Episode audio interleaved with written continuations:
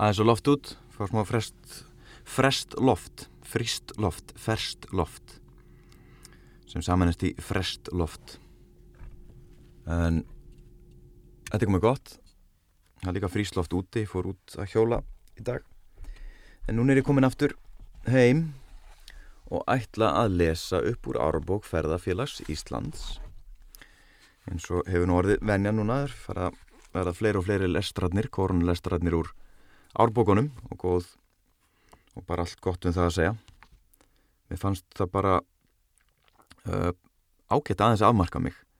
Ég var svolítið svona, hef verið svolítið að svona fara út um viðan völl, lesa ljóð og annað slikt og það var svona upprunlega hugmyndin, lesa ímis konar gamalt efni og það er að finna ímislegt á uh, gamalt sem er farið úr höfundarétti á til dæmis tímarið.is og bækur.is en ferðarfélag Íslands var svo almennilegt, almennilegir, almennileg að veita mér góðfúslega leiði til að lesa upp úr þeirra árbókum og það er náttúrulega bara algjör gull náman. Já, svo að sé allt sapnið fram til, mann veit ekki hvernig síðasta eintæki sé á, en fekk allt sapnið gefins frá Óskari frænda Jónatansinni. Takk Óskar.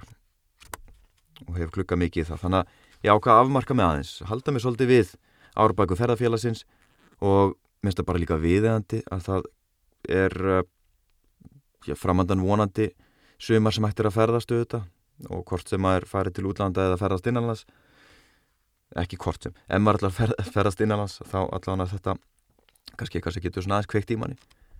En ég teka fram að þetta var nú mitt val. Þetta kom frá mér valið að lesa á árbókum ferðarfélags Íslands og leitaði til þeirra um leiði til þess. En í síðasta lestri þá voru við að lesa hérna úr uh, árbókinu frá 1988, Vörður á vegi, sem ég held fyrst að væri bara um vörður. Bjóstu ég að heyra sagt frá Daniel Brún sem að uh, endur stikaði kjálveg, já með minnir. En hérna er ég mitt með kjálveg undir kaplanum fjallvegaferðir á Sturlungöld, við endum þar í síðasta lestri. Og ég ætla bara hérna að lesa um kjálveg á Sturlungöld og það er gert af einskerri uh, eigingirni því að ég stefna það að keira kjálfi í fyrsta sinn næsta sumar. Keira eða hjóla, ég veit ekki, sjátt bara til. Því far ekki keirandi þá hefst uh, lesturinn. Kjálvegur Kjálvegur hefur áraðanlega alla tíð verið fjölfarnastur fjallvegur milli söður og norðurlands. Ber þar margt til. Í fyrsta lagi er leiðin til döla greið í annan stað eru þar viða hagar og engum hefur verið svo fyrrum er leiðin var miklu grösur en nú er. Hún likur einni mjög vel við alþingis staðnum og raunar Árnes síslu allri. Nyrðra lág hún vel við bæði húnavas síslu og skagaferði, reyndar eigafyrði líka þó að hann sé fjær. Er líklegt að ífyrðingar hafa oft farið kjálveg til þings en eða til vill sprengisand fremur og heimleið er gróður var orðin meiri. Þannig segir í njálu að Guðmundur Ríki færi sprengisand og heimleið eftir brennumáluð alþingi Má vera að hann hafi farið kjálveg til þings, þar hafa þá verið betri hagar. Eiferingavegur, eiferinga-kvísl og eiferinga-hólar heita fyrir norðan hófsökul. Bendir það til þess að eiferingar hafi lagt þar leið sína og forn vörðubrott eru þar enn á stangli. Kjálvegur hefur verið mjög fjölfarin á styrlungöld. Stundum er þó sagt svo lauslega frá ferðumanna að ekki verður sagt með vissu hvaða leið farin var. Þannig segir að Snorri Sturluson var á grundi eigaferði veturinn 1222 til 1223 en fórum vorið söður um heiði. Mætti ætla að hann hafi farið kjálveg en að er síðar kemur fram virðist hann áður komin til borgarfjörðar og með heiði er það áttu heiðarnar milli borgarfjörðar og árnusíslu. Þess er getið að 1234 rýður Kolbjörn Ungi, höfðingi skakfyrringa, til þings með 500 manna Ekki er þess getið hvaða leið hann fór, en ef að löst hefur það verið kjálfegur, sama er að segja um heimför hans af þingi. Árið 1238 er mikið ári sögu Íslands og kemur kjálfegur þar mjög við sögu. Þar verður nú ekki aðeins vegur ferðamanna, heldur stórflokka, styrjalda liðs, staður fyrir fundarhöld, launráð og samsæri sem höfðu síðan veruleg áhrif á gangmála í landi. Sturla Sigvatsson tók að sér að koma landin undir Hákon, Hákonarsson, Norris konung. Varð honum þar fyrst vel ágengt. Kom svo að hann taldi Gísur Þorvaldsson einu verulegu hindrunna. Náði hann með sveikum Gísur á valdsitt við Apavatni Grímsnesi og leta hann sverja sér trúnaðreið og utanför. Fór Sturla síðan til Skálholts. Þar heit hann Einar Þorvaldsson, hálfbróðu gissurar. Var Einar svo reyður að þeir máttu ekki talast við. Fór Einar síðan upp á kjöl og heiti þar Kolbein unga. Lítur að hafa verið sendt norður að segja Kolbein í tíðindin, en hann skjótur til viðbraðs að venju. Þeir Einar réðu það á kílinum að þeir skildu flokka uppi, hafa og slíta eigi fyrir en aðrir korir væru í helju. Gekk hjalti svon Magnús Biskups í þetta samband með þeim. Egi vita menn hvar á kíli þessi fundur var nýja aðrir þeir er síðar voru haldnir þar, en líklegast virðist að þeir hafi verið kvinnverja dal, þar að segja við hverafelli. Þar hafa verið góðir hestahagar og þar var snemma sælu hús. Kolbenn reyð síðan norður, sapnaði liðum skagafjörð og allt vestu til miðfjörðar og helt flokkonum söður um kjöl. Er það fyrsti ófríðar flokkur sturlunga aldar sem fer þar um svo að geti sé. Ekki er vita hversu fjölmenn þetta lið var en mörg hundruð hafa það verið því að sunnan kjalar skilst Kolbenn við megin flokkin með hundrað manna fyrir söður á rángarvöllu, eflistara liði heldur síðan á beiti völlu með rétt sunnan við laugar vats valla en þar hitti hann Gissur Þorvaldsson sem nú hafi verið látin laus. Heldu þeir síðan flokkonum vestur í Borgarfjörð, hafðu þeir þá 1300 manna, þar að segja 1560 menn. Þeir heldu liðinu vestur til Dala, Sturla var þar vestra en ekki bara fundum þeirra saman, held Gissur liði síni söður en Kolbeinn fór austur til hér aða, ráðgast þar við menn sína teku með sér hið röskvasta fólk og lísti yfir að hann myndi ríða af héræði. Hafði hann haldt annað hundrað manna. Nokkrir manna hans, urðu setni til, heldu eftir honum og fundu hann í kvinnvera dal. Þeir gissur söpnuðu síðan miklu liði síðra og heldu því norður kjöl, 900 stór eða 1080 menn og er það sennilega stærsti flokkur sem riðið hefur kjöl. Ætla má að Þá hafi verið farin leiðin fórna vestan við kvítarvatn undir hlýðum skriðufells og sporðum skriðjöklana. Er sem við sjáum styrjaldalið þetta lesta sig inn úr milli vatns og jökuls sem staðar eftir vilt svo þröngt að eigi hafi geta farið nema einn í senn. Er Gísur Þorvaldsson síðastur og sér um að engir sláist aftur en í farabróti er Kolbeinn ungi og stjórnar njóstnamönnum sínum. Gengur svo njóstnirnar að þá voru jafnan aðrir hjá Kolbeinni er aðrar voru hjá Gísuri, þær er fyrir komu. Sturlungar voru í skagafyrði.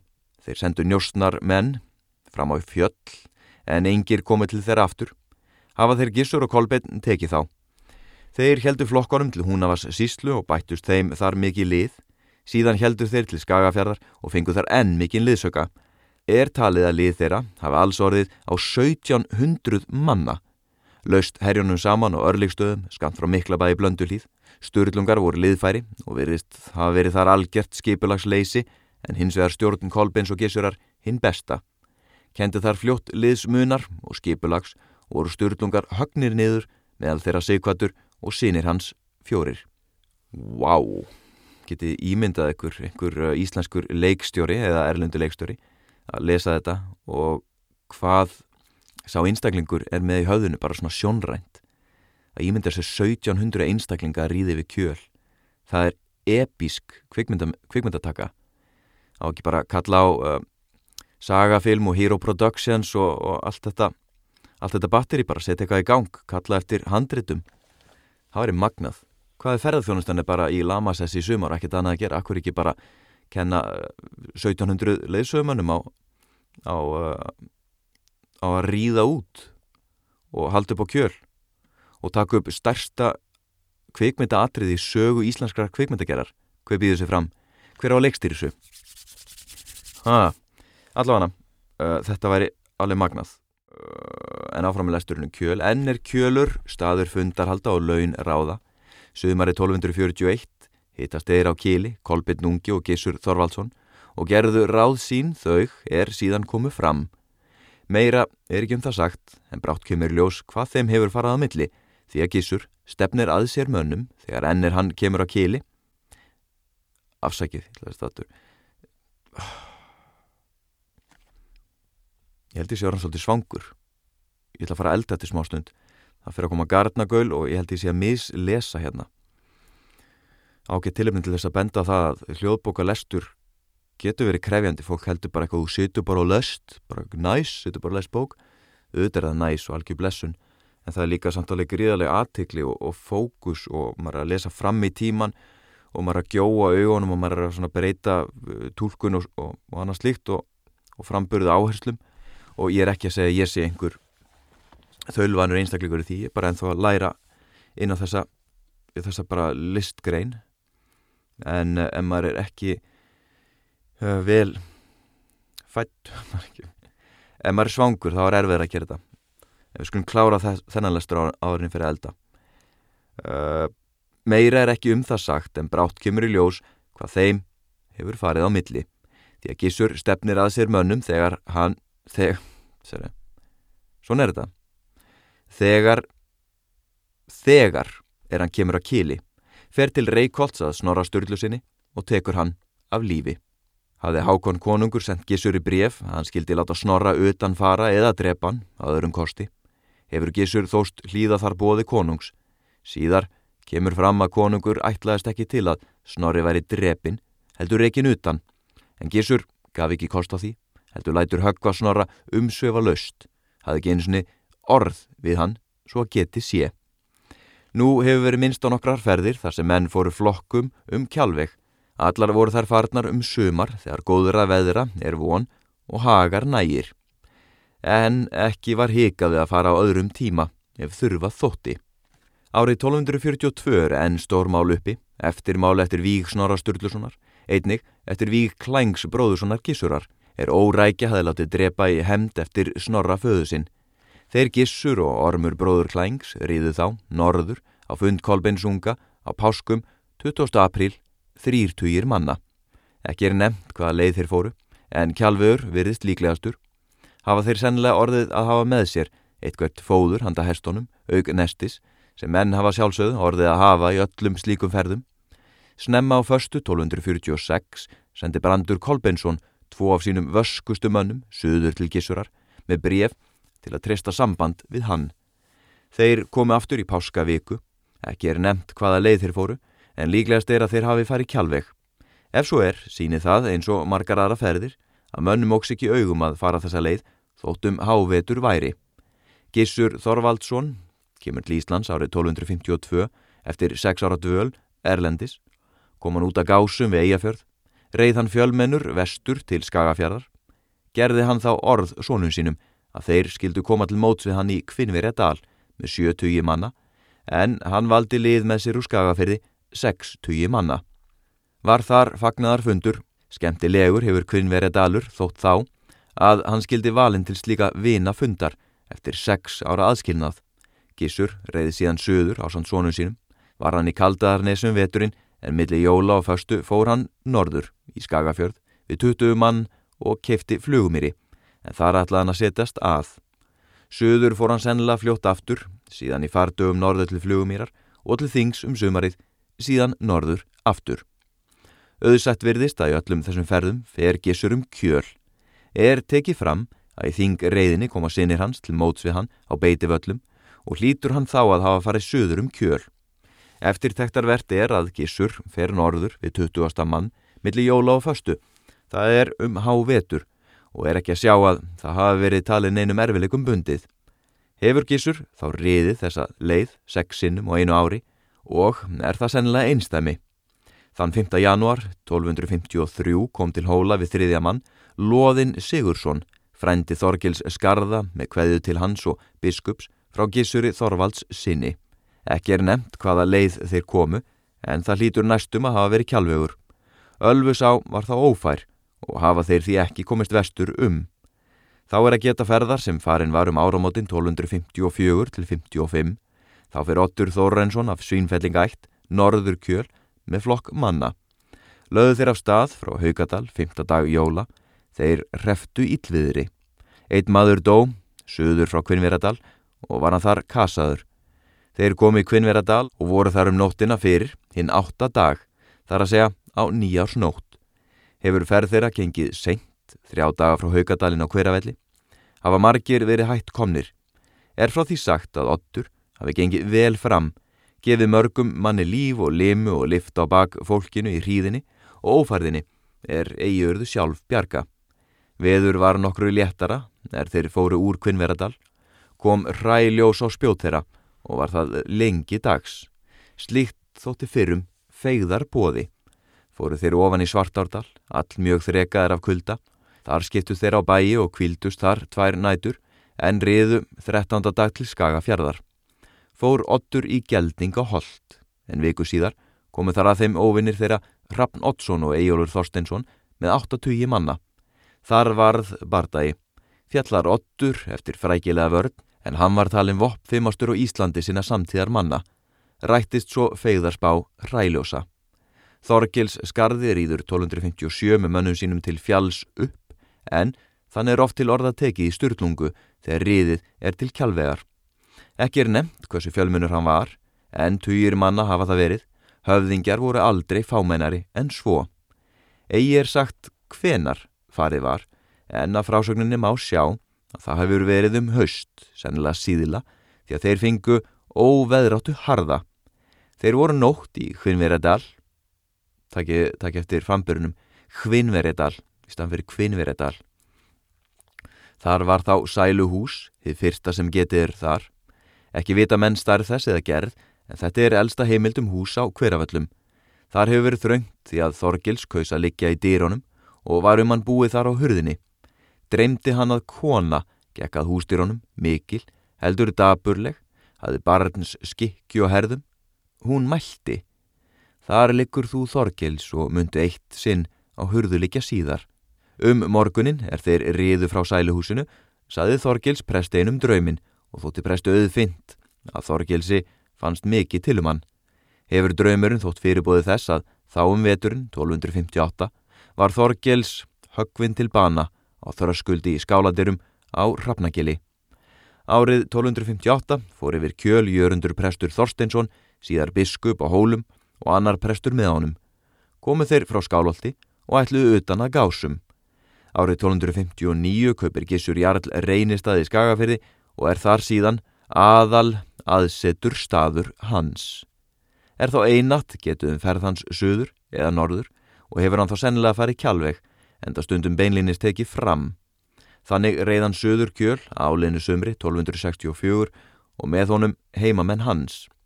Er það síðasta ferði yfir kjöl sem getið er í styrlungu en það er nú styrlungöld að ljúka. Raunar er þess getið að hann fór norður í septemberlokk og hefur hann þá sennilega farið kjöl. Þá er þessi upptalning á sturglungaferðum skrásettum yfir kjöl uh, búinn. Komið tími til að elda sig kvöldmatt, það er komið gard, gardnagaul, gardnagaul og ég er hann það orkulítið til að bara ég er að bera vittlust fram og mér skeikar, skreikar fótur, skeikar fótur og þetta er ekki vanlegt. En það situr svolítið í mér þessu hugmyndum að uh, taka upp kvikmynd á kjöl 1700 manna lið sem heldur þar til orustu því líkar senur. Eins og ég segi ef túrismin likur eitthvað niður í sömar þá bara þetta fá uh, frækna liðsögumenn sem auka leikara og uh, sterk og góð stöndu kvikmynd að gera hérna hæf í öll verk örgulega harðar af sér en uh, í mörgun löndum hef ég heyrt og hef nú starfað svo litið í kvikmyndagerni hef haft, haft að tækifærlega svona vera runner og unni eitthvað í hljóðuptöku og annað. Þannig ég hef séð þetta, þetta mikla maskinu batteri. Og það er bara held ég já, unnið bara hörðum höndum því að, að því að uh, gera það sem það er að gera. Uh, ekkert annað að segja heldur en bara að fara að elda. Ég ætla að fara að elda og svo held ég áfram með þetta. Afsaki, að, afsaki bara hvað framburðurinn og eitthvað megin flæðið hefur verið ekki alveg ekki alveg búið tíu en ég vona að ég verði orðin uh, svona liðtakari eftir að fengið eitthvað í kokkin Afsæki byggðin að tveir klukkutímar. Þetta áttu nú ekki að taka svona langan tíma að elda. Þetta tók ekki svona langan tíma að elda heldur átti ég tvö samtöl í símánum við goða vini er í útlöndum og við höldum bara áfram.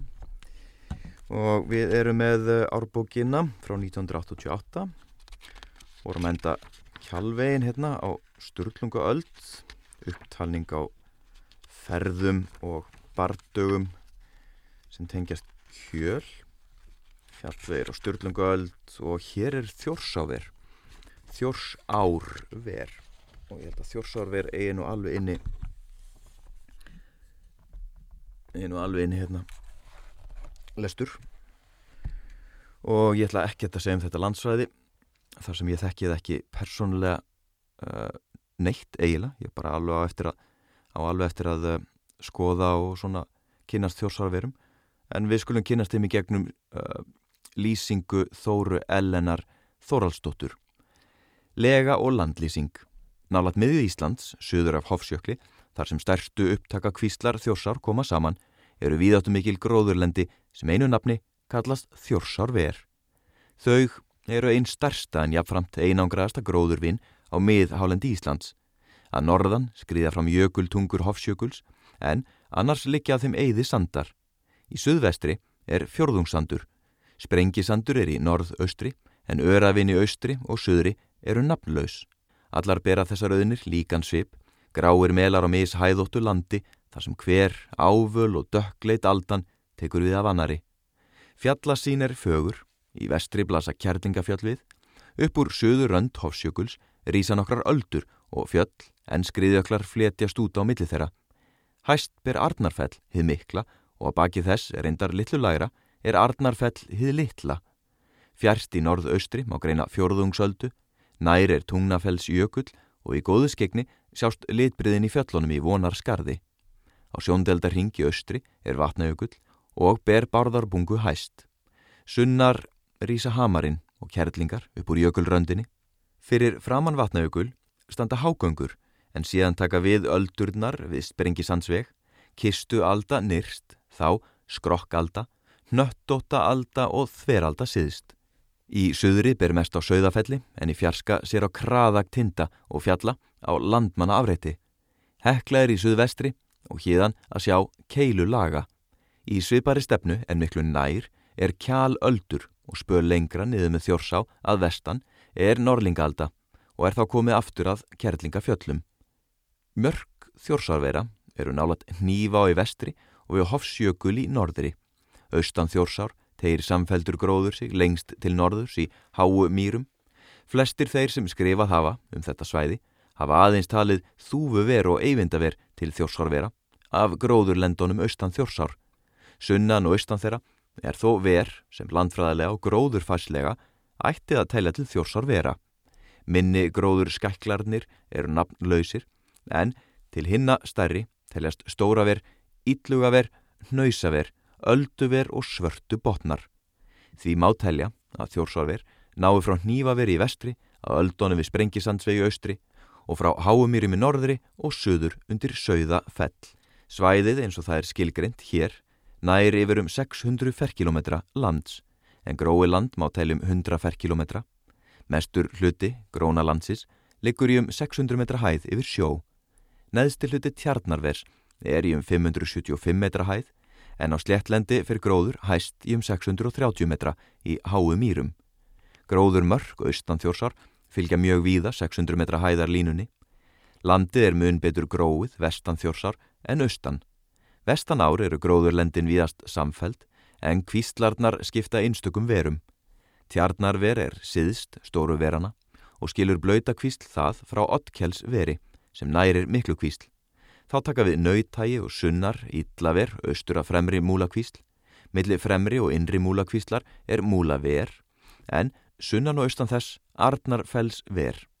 Þúfuver og eyvindaver likja þjórsá á austan. Þúfuver er stærsta verið austan ár og skiptir þúfuverskvísl í því tvent. Eyvindaver likur norðan þúfuvers og er skilið frá því af gróður litlum öldum og melum. Sunnan þúfuvers tegir sig mjógróður ræma niður að sólegar höfða en hann er eina aldan sem nú er að heita má algróin. Hinn verin, austan ár, eru einangraður gróðurblettir í dældum og lægðum millir aldnana. Áðurum við mig við næsta undirkabla sem eru örnefni í þjórsarverum. Þá er einmitt þessi spurning sem kom fyrst í huga minn, það er hvað er ver? Hvað er verið að vísa í? Maður hugsaður um að fara í verið sambandi við uh, fiskveiði svona fyrir öldum Eh, verinu þetta mörg á Reykjanesi og Snæfellsnesi en hér fáið útskýringu á hvað nafni vísa til, ver. Allt grói land á sléttlendi er kent við ver. Ekki eru menn og eitt sáttir hvað orðið ver þýðir hér. Sveitin Pálsson og Magnús Grímsson segja að ver merki mýri, flói eða mosa fláki og er það sennilega svo merking sem flestir leggja í orðið í dag. Svo tilgáta hefur einni komið fram að upprunlega séu svæðin kent við veiði eða veiði stöð. Samanberað norrlendingar fóru suður í ver, verbúður og eggver þar sem egg voru nýtt. Það er að menn hafi farað þangað í gæsaver. Eins og rætt verður setna voru gæsaveðar mjög stundar í þjórsarverum áður fyrr að minnstakosti framundir miðja 17. öld.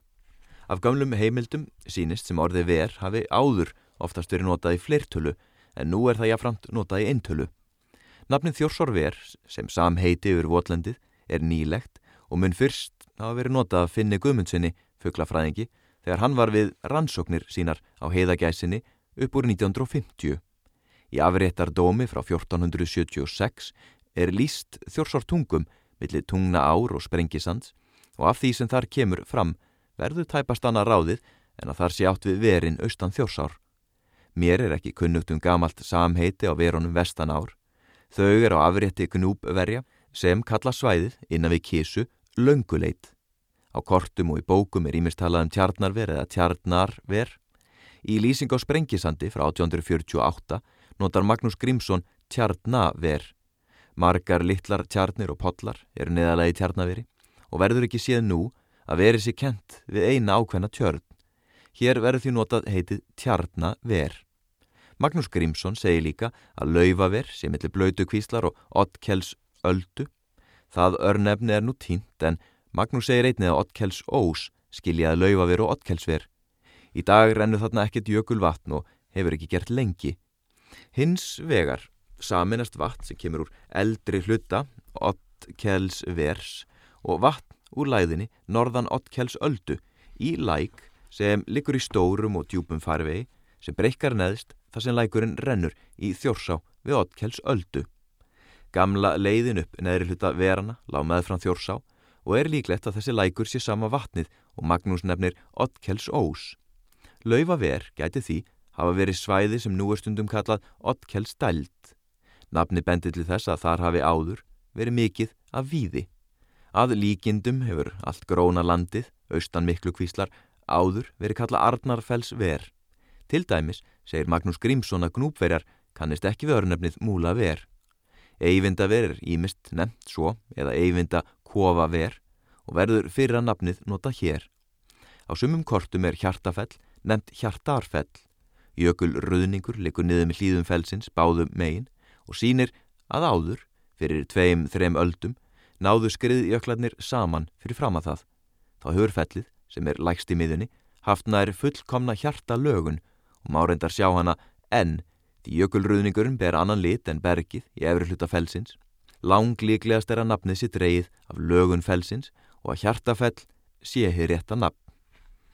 Þetta er alltaf þínu hug þegar að vera að tala um eh, hjartafell og þessa hjartalögun að við svona vingri kynsluðinni svona fram að kannski 50-60 ég vinn á ellið heimilu þannig að eldri kynsluðin fyrir mér er svona vel upp úr 70 en þetta er kannski svo kynsluð sem að hefur enga enga reynslu á því á að senda smiley face og broskalla og hjarta í skilabóðum og svo framvegis. Og þetta er náttúrulega við erum orðin svo eitthvað megin vöndi að tjá tilfinningar okkar í, í smá skilabóðum stuttur texti og ég man nú einn svona fyrirvændi kærasta eh, bendi mér á það að ég væri eiginlega bara ófæri í, í vissum samskiptum greinlega við fólk því að ég kunni ekki að nota broskalla. Og ég bara að fólk hefur getað að lesa eitthvað með henni í, í, í það sem ég skrifaði kannski svolítið harkalega hátt. Ég vona ég að ekki verið ofharkalur en, en það að nota broskalla og, og, og, hérna, og hjörtu annars slíkt þetta er það sem að eldri kynsluðu náttúrulega ólst ekki upp við og kann ekki. Og þannig þá er nú kannski bara eins gott að ringja og spjalla og hvort sem að fólk segi eitthvað ja, ástríkt og, hjarta lagað fell þá má allavega spjalla um þjórsárver en það næsta sér að lesa um þjórsárver er ekki kvíslaveita, ekki grunnvatn og lindir. Þetta er allt jafn áhugavert en ég ætla samt að fara yfir í fánu og það eru heiðagæsirnar og þetta er kannski það sem að lang flestir kannast við tengt þjórsárverum að það er náttúrulega uh, fræð svæðisins sem uppeldistöðvar heiðagæsarinnar og fá við nú hér góða insýn í stöðu þeirra sem slíkt. Stopnar heiðagæsar eru tveir. Ísland, Östur, Granlandsstopnin og Svalbardstopnin. Þeir eru kendir við sömarstöðvar sínar en vetrastöðvar Íslandsk Östur, Granlandsstopsins eru í Skotlandi og Norður Englandi. Svalbardstopnin er áallar um 15.000 fugglar. Íslands Östur, Granlandsstopnin er miklu stærri og telur nú um 100.000 fugglað hösti. Langmestur hluti hans verpur í þjósárverum en þau standa hugsanlega undir um 70% viðkominar. Samkant talningum Kerbers, Ógelvi og Boyd voru um 10.500 pluss minus 500 reyður í verunum árið 1970 en samkant nýjastu talningum úr lofti sem Artur Garðarsson gerði 1985 og 1986 hefur þessi tala heldur lækkað. Þjórsárveru er langstærsta varpland heiðagæsar í heiminum og einn mesta gæsabegð í heimi. Gerum að ráð fyrir að mitt sumar séu í verunum alltaf 40.000 fullornar gæsir og ungar. Miklar rannsóknir hafa verið gerðar á heiðagæsinni, varp, háttum hennar, fæðu og stopnstærðabreitingum. Ímsir erlendir fugglafræðingar hafa unnið í þjórsvaverum og ber engum að nefna hinn þekta breska fugglafræðing Peter Scott sem dvaldist þar sömrin 1951 og 1953. Mest var þó unnið að aðtugunum á heiðargæsinni árið 1970 til 76 undir stjórn Arthurs Garðarssonar og er að mestu byggt á rannsóknum hans hér. Heiðagæsin er óumdelanlega ríkjandi dýrategundi þjórsaverum og hefur hún með beit sinni afgerandi áhrif á gróður. Mart bendir til að mikla sveiblur verði á starð stoppsins. Hann virðist hafi verið lítill á átjóndöld en þá fóru menn til alltaf dráps í þjórsarver eins og síðar verði frá greint. Heimildir frá öndverðir 19. öld og fram yfir síðustu aldamót lýsa mikillir merð alltaf í verónum en minnast lítið ekkit á gæsir. Nú eru sára fáar, allt er í þjósaverum, varðla einn tugur varpara, Arþór Garðarsson og Jón Baldur Sigursson hafa varpað þeirri tilgáttu fram að tengst síu millir stopnstarðabreitinga, heiða gæsar og alltar, þannig að alltastofnin nái sér upp þegar gæsastofnin er í lámarki Heiðagæs fjölgaði mikið í verunum frá því talningar hófust eftir 1950 og framundir 1970. Síðan hefur stopnin staði í stað eða heldur fækkað í honum. Þótt þjórsárver séu fyrst og fremst ríki heiðagæsarinnar eru þar margar aðra tegundi fuggla. Af algengum tegundum að nefna hávellu, rjúpu, sendling, kjóa, heiðlóu, lóuþræl, óðinshana, kríu, snjótittling og sandlóu. Himbrimar halda sig á starsta vatninu í Þúveveri og komu til dæmis upp tveimur ungum sumari 1986. Þeir virðast mjög sækja fæðu í Þúve vötn. Að minnstakosti einn altahjón heldus í Þúveveri og Eyvindaveri sumrin 1982 til 1985. Myndali dingja er rétt við þjórsá í sporði sunnan biskups Þúvu og að minnstakosti þrýr ungar komust upp sumari 1984. Snæjögla sem er með sjálfgefustu fugglum á Íslandi, hefur sérst flest sumur sem fólk hefur dvalist í þjórsarverum. Östanár hefur hún helst sérst í háumýrum.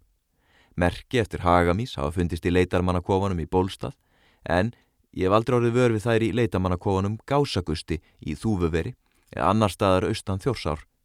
Það eru öruglega mjög sjálfgefar. Merki eftir mink hafa einu sinni fundist, svo mér sé kunnugt, vitað er um nokkur tófugreini austan og vestan þjórsár og Tófur sjást allan á sís ring. Stopnin verður þó aldrei stór. Hvort vekkja er að grenja er leita árlega og hitta þótt gæsi auðfengin og sumrin er veturinn langur og lítið að hafa. Refurinn geymir samt alltaf til vetarreins og snemma sumars finnast stundum litlar hólur þar sem hann eru vitið forðans en skilja eftir skurð af hálfu gæsarekki á botninum. Lífið í vötnunum hefur dáliti verið aðtugað. Horn síli eru í sumum lækjum, til dæmis sílalækjum gengt nauthaga, í lækjum neðalagi tjarnarveri og í þúfuveri. Eftir 1980 var settu sílungur í nokkur vötn, austan þjórsár, í þúfuvötn, þveröldu vatn og sandvatn, norðan þúfuvers. Ekki er vitað hvort í þessum vötnum var fiskur fyrir, en alla líkur benda til að bleikja hafi verið í þúfuvötnum. Þannig sóttu þangað himbrimar og lómar æti sitt um 1970 en báðar tegundirnar lifa á fiski. Af smádýrum í vatni eru skötu ormar langmest áberandi en þá er að finna í öðrum hverjum potli. Skötu ormar eru krabbadýr, alltaf tveggja sentimetrar á lengd. Yfir búknum er kveld skél, en aftan undan henni gengur hali sem endar í tveimur löngum hala þráðum. Þeir eru mikilvæg fæða, margra fuggla í verunum, svo sem hávellu og óðins hana. Mí er talsvert í þjósaverum, bæði ríkmí og bitmí. Mm, ríkmí, bitmí og nú er náttúrulega búið bætast við lúsmíð í uh, kjósinni og víðar ansans vandraði. En uh, hugmyndasímtali, spjallum þjósaver, en spurja kannski almennt um upplifun af fugglalífi. Um, þið getur ekki til og með spurt hvort að afi og amma frændi eða frænka hafa farið á hálendið og að sumri til og upplifað einhver fugglarhljóð og ég vissum að þannig minningar, ef fólk á þannig minningar þá er þetta kallaða fram ljós lifandi við þekkjum öll að við finnum ilma ykkur þá getur minningin orðið mjög sterk. Ef við heyrum tónlist þá getur við svona að lifa okkar aftur í tíman og það að spurja eldri ættingja um þeirra upplifun á fugglum og fugglasöng á hálenduna þeir sem hafa þá verið á hálendinu einhvern ferðalum á sömri til að það er kannski möguleiki á að leifa það með endur upplifa það bara með því að spurja þessarar einföldu spurningar. Jæja, við flettum áfram og það eru rústir í þjósvaraverum vetur, sömar, vor og höst og bara rétt að taka byrjun á því það er mjög breytilegt hvenar snjóa tekur að leysa í þjósvaverum sem sjáum á að því að vorflóð geta verið í þjórsá frá því senast í april fram í miðjan júni. Ég láta það gott heita. Hér er tarað um uh, plöntulífið. Hérna er náttúrulega bara Ekkert Pétursson sveimar yfir þessum kabla. Það vist áhugaverli heimildamind sem er búið að gefa út uh, um hans verk eins og málverk. Svo er að vísbendingar um fyrri gróður mörg. Uh, ekki að fara inn í þetta hér stendur bara mér þykir ólíklegt að sprengisandur sjálfur hafi verið mikið gróin við landnám og enn síður örafinn austan við hágöngur og köldukvísl enda land þar herra. Úr því verður líklega sent skorið hvort hinn fjölmörgu litlu og einangruðu gróður blettir, austan þjórsar og á fyrstu öldum Íslandsbyðar hlutað miklu starra og samfeldra gróðu lendi. Þó bendir ímislega til þess að þjórsar vera svæðið, muni áður hafa verið betur gróið. Svolítið skemmtilegt svona þetta að svona grípa svona niður og fá bara fróðleik hinga á fangað hægri vinstri, þetta er kannski meira og unga kynsluðan leitar að fróðleik á netinu flettur upp einum einni staðrind einni upplýsingu á menna eldri kynsluðan er búin að lesa sér gegnum heilu bækurna þannig að eldri kynsluðan vantilega búin að lesa árbækurnar uh, frá fyrstu blaðsöðli síðustu en við erum svona aðeins að taka þetta í stikkpröfum Herru, við erum áfram í þjósvaverum og það er veiðar á heiða gæs og aðrar nýtjar. Í njálu segir svo, Kári let Björn, það segja nábúum sínum að hann hefði fundið Kára á förnu vegi og riði hann þaðan upp á Góðaland og svo norður á Gása, Gása sand og svo til Guðmundar hins Ríka, norður á Möðru völlu. Örnefnið Gása sandur kemur fyrir á tveimur stöðum í njálu en mun ekki þekkt úr annari heimild. Flestir telja að það sé eldra nafn á Sprengisandi Mér finnst miklu líklæra að það eigi við auðnirnar söður af hinnum eiginlega sprengisandi og bendildi þess á fyrstu öldum Íslandsbyðar hafi einni verið mikið heiða gæsa varp í þjósa verum. Í forn brefasapni er varðveittur afréttar dómur frá árunni 1476 um afrétt þann er heita þjórsár tungur og liggur fyrir landmanna hrepp millum tungna ár og sprengisands. Hvort það væri eigniða almenningur eða afréttur þeirra manna er í landmannarrepp búa og þar veitu ákjæru um. Fyrir landmenn sem sækja málið sverja tveir að þessi afréttur þjórsártungu hafi verið hafður og haldinn til lambareksturs og eldrafjár af þessum tveimur reppum landi og holdum svo lengi sem þeir mundu til og eifisu þeir annars annara en það væri þeirra eign. Í domnum er afrétturinn talin á frá tungna á til sprengisands og vestur í þjórsá og allt austur í fjallgarð svo langt sem vötn renna til og frá hér aða á millum að réttri tiltölu. Síðan segir, og yngvir menn aðrir mega í þessum afrétti fuggla veiða, grös lesa, róta gröft hafaðu önnur gæði, fyrir utan þeirra leifi er fyrirskrifaðir eru nema þeir hafi skilvís vittni eða brefir í fara eða sér kalla, nema þeir menn er í hreppum búa, hafi samreið við þá, er úr holdum og á landi fara til fugglviðar og grösa tína báðum einn þjórsár, sem að fórnu hefur verið og þeim hefur samið sín á millum. Stopnarnamálið er ekkit nýtt að nálinni. Æja, áfram. Af þessari lýsingum á ímislegt ráða. Sprengi sandur hefur yfir leitt verið talinn ná milli efstu grasa. Í árbók ferðafélagsins 1967 segir Hallgrimur Jónasson að mörkin Sunnelands sem ímist setti þúfuver, eyfinda verið að háu mýrar. Afrétturinn er greinilega talinn á alla leiðin í þjórsárver. Einnig má ráða af orðalæginu að reppa menn úr eistri repp en þeir eiga afréttin vestan þjórsár upp í Arnafell og holta og landmenn hafi gert út sameilar ferðir eða farið fram og tilbaka yfir þjórsár hvor inn á annars afrétt.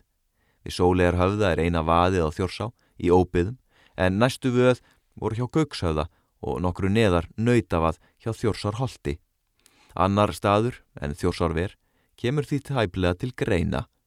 Landsnitjar hafa greinlega verið miklar, gæsaveiðar, kvannatekja og fjallagrös fyrir utan beitina. Gæsaveiðar í þjórsárverum virðast hafa haldist að minnstakosti framundir miðja 17. öld.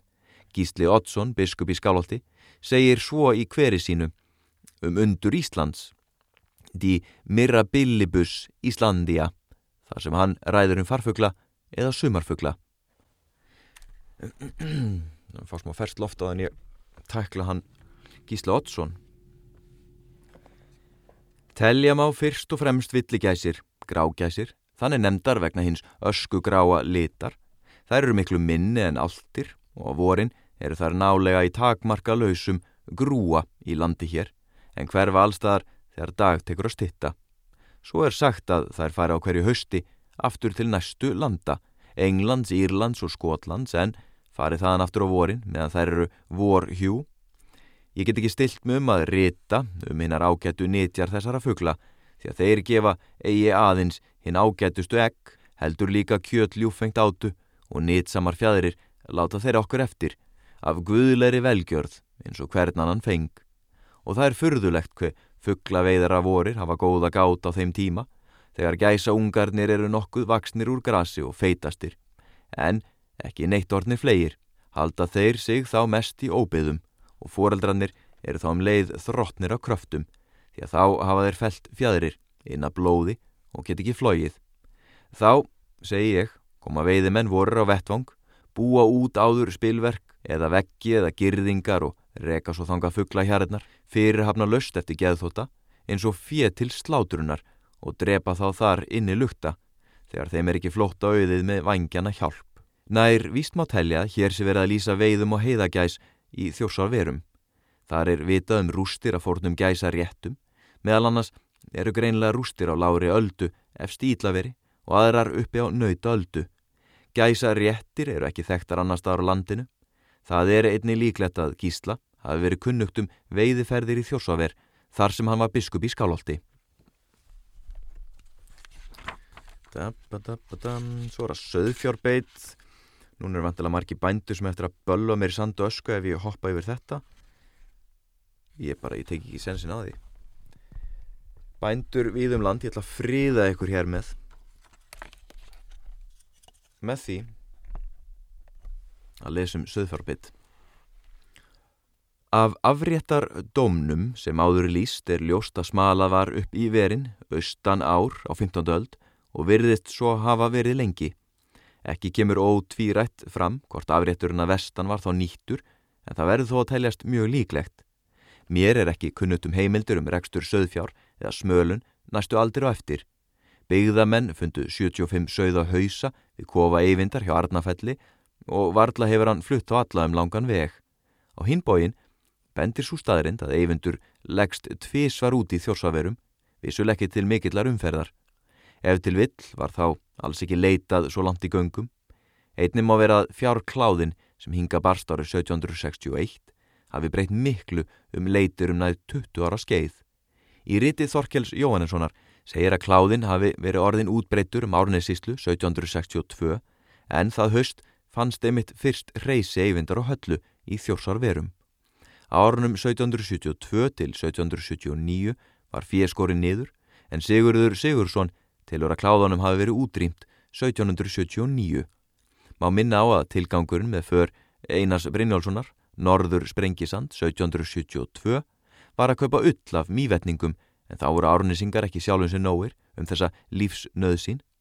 Það er því vel hugsanlegt á þessum árum hafi fyrir verið svo fátt að ekki hafi þurft að leita alla leiðin í þjórsár ver. Ævintirlega mistu kolta manna þegar þeir ráku fésitt yfir þjórsá í staðin svartár hausti 1879 og Ólafur Bergson skýri frá hafa verið útskýr þannig að fram að þeim tíma hafi ekki verið vanið að leita inn yfir svartá og leitar menn því verið ókunnugir norðan hennar. Þetta stendst ekki því í lýsingu á landþingum dagsettri 1841 segir Jón Torfarsson svo um Holtamann afrétt að þeir sem leiti hann fari allt til biskups þúfu og sprengis hans norður. Aftur má vera að skýringana sé að leita í fjárkláða faraldri. Setni kláðin gekk 1856 til 1877 og var skæðastur fyrir árin. Sigurður Sigursson telur að í honum hafum 85% fjár falli í Rángarvalla síslu og um 75% í árnisíslu. Eftir fjárskipti getur hafa liðið talsverðu tími þar til nýja fjöð fór að ganga alla leðin í þjósarver. Er ekki ólíklegt að leitir hafi fallið niður eða að leita hafi verið skemmra í alltaf tvo áratvíi. Þeir sem fór í leitirnar 1879 hafi því, ef til vill, flestir eða allir verið ókunnuðir í verónum. Mm, mm, mm. Hann langaði minn sem bjóð á Ósi um, rétt fyrir utan Holmavík hann sjáum, sáum uh, búfjár, búfjár girðing, girðingarinnar frá Stengrinsferði yfir í hvert hefur leiði yfir í það er bara leiði yfir að breyðaferði ég átti að vaðla fjöllum nú er ég ekki alveg viss ég hef nú lesið þetta í, í bókinum langa og langamu en það er náttúrulega ímislegt sem við þurfum að gera til að koma í vekk fyrir útbreyslu svona fjársjúkdóma. Hér eru við komið fram að veiðivatnum. Uh, hér er sagð einhverjum sem heitir Ampi. Skulum lesa þetta, veiðivatn og svo Ampi. Og segja þetta gott. Klukkan er að vera tíu. Förstundas kvöldi, það eru myrkur úti. Mér langar líka alveg til að bara leggjast og svona klápa smá sjónvarp og horfa á eitthvað góðan þátt eða lesa bók inn í hausnum á mér ekki, ekki að tala hana sem er indislegt en samt smá kvíld, það er öðruvísi það er öðruvísi slökun slökun í því. En ég er jafnforðun á því að heyra aðeins um veiðivett komið til veiði vatna En við skulum nú hverfa niður að tjald vatni. Þar er sjálfsæðar áfangastaðu fyrir alla sem alla sér að litast um við vötnin og tiltækilegast að slá tjöldum eða leita gistingar á vegum veiðifélagsins í skála þess eða öðrum húsum sem hrófað hefur verið upp þar í grendinni. Skálinn var reistur 1967 og stóð ferðarfélag Íslands að byggingu hans ásand veiðifélaginu. Nokkur óhægindi urðu á sambúðinni svo að ferðarfélagi seldi sinn hluta í byggingunni en komið hefur til tals að félagið reysi sælu hús að nýju á veiðivatnarsvæðinu. Það geti líka verið skemmtilegt tilbriði að gista í tjarnarkoti og reyna að kalla fram í hugan eitthvað þeirri stemningu sem hér hefur ríkt í hópi vatnakarla og umlinum öldum, hugblæ sem örafin einn megnað vekja. Rétt austan við skálan rýs allhár raunhóll sem nefndur er Ampahóll. Hér gerðust þeir atbyrðir fyrir rúmri öld sem enn eru í minni og stundum rifjaður upp. Saga um uppgjöf mannsins fyrir veldi náttúrunar á öraum landsins, þó að sótt sé að henni af ódegum huga. Ampi Maður er nefndur Arnbjörn Guðbrandsson. Hann var fættur 1817 og bjó lengst í Króktúni í landsveit, litlu koti skamt frá höfubólnu skarði. Þótti hann inn sæmilasti bondi fram eftir árum, en þegar söðfið hans var skorið niður vegna kláðafaraldurs árið 1859, er eins og eitthvað við brost í honum, svo hann kom ekki búskapnum á fastan fót eftir það. Hugur hann neðist aði meir til veiðiskapar og lang dval á fjöllum. Dvaldist hann lengst af við veiðivötn frá því að Ísa leisti á vorum, uns allt var komið til hjartna og höstum. Veiti hann í öfnum höndum, sílungi í vötnunum og drap alltir í sárum og óflega unga þeirra eða sótti kvannarót upp í Þóris tungur. Arn Björn átti sér þá nafn styttingu að hann var að minnstakosta sömum kallar Ampi. Undir því nafni er hann nú kunnastur og svo verður hann nefndur hér á eftir. Einu sinni þegar Ampi var inn við veiði vötn á samt síni sinum, 12 ára, komst hann í kast við allt og hófa elda hana. Dró hann undan og komst hún út á naflausan poll við vatnakvísl. Ampi reið fíl fullir rissu og varð helsti veiði bráður og hliftu eftir alltin út á vatnið. Hrissan sálaðist en sökk ekki. Sumir sögðu vegna þess að hún var fílfull, samanber söguna fórnu, hverjum var það að þakka að hún gunna flöyt. Ampi hjælt í faksið, unstau bara landi fyrir vindi, en svonur Ampa beigð grátand á bakkanum. Síðan hefur vatn þetta verið nefnt Ampa pollur, en er nú að mestu horfið fyrir sandbyrði vatna kvíslar.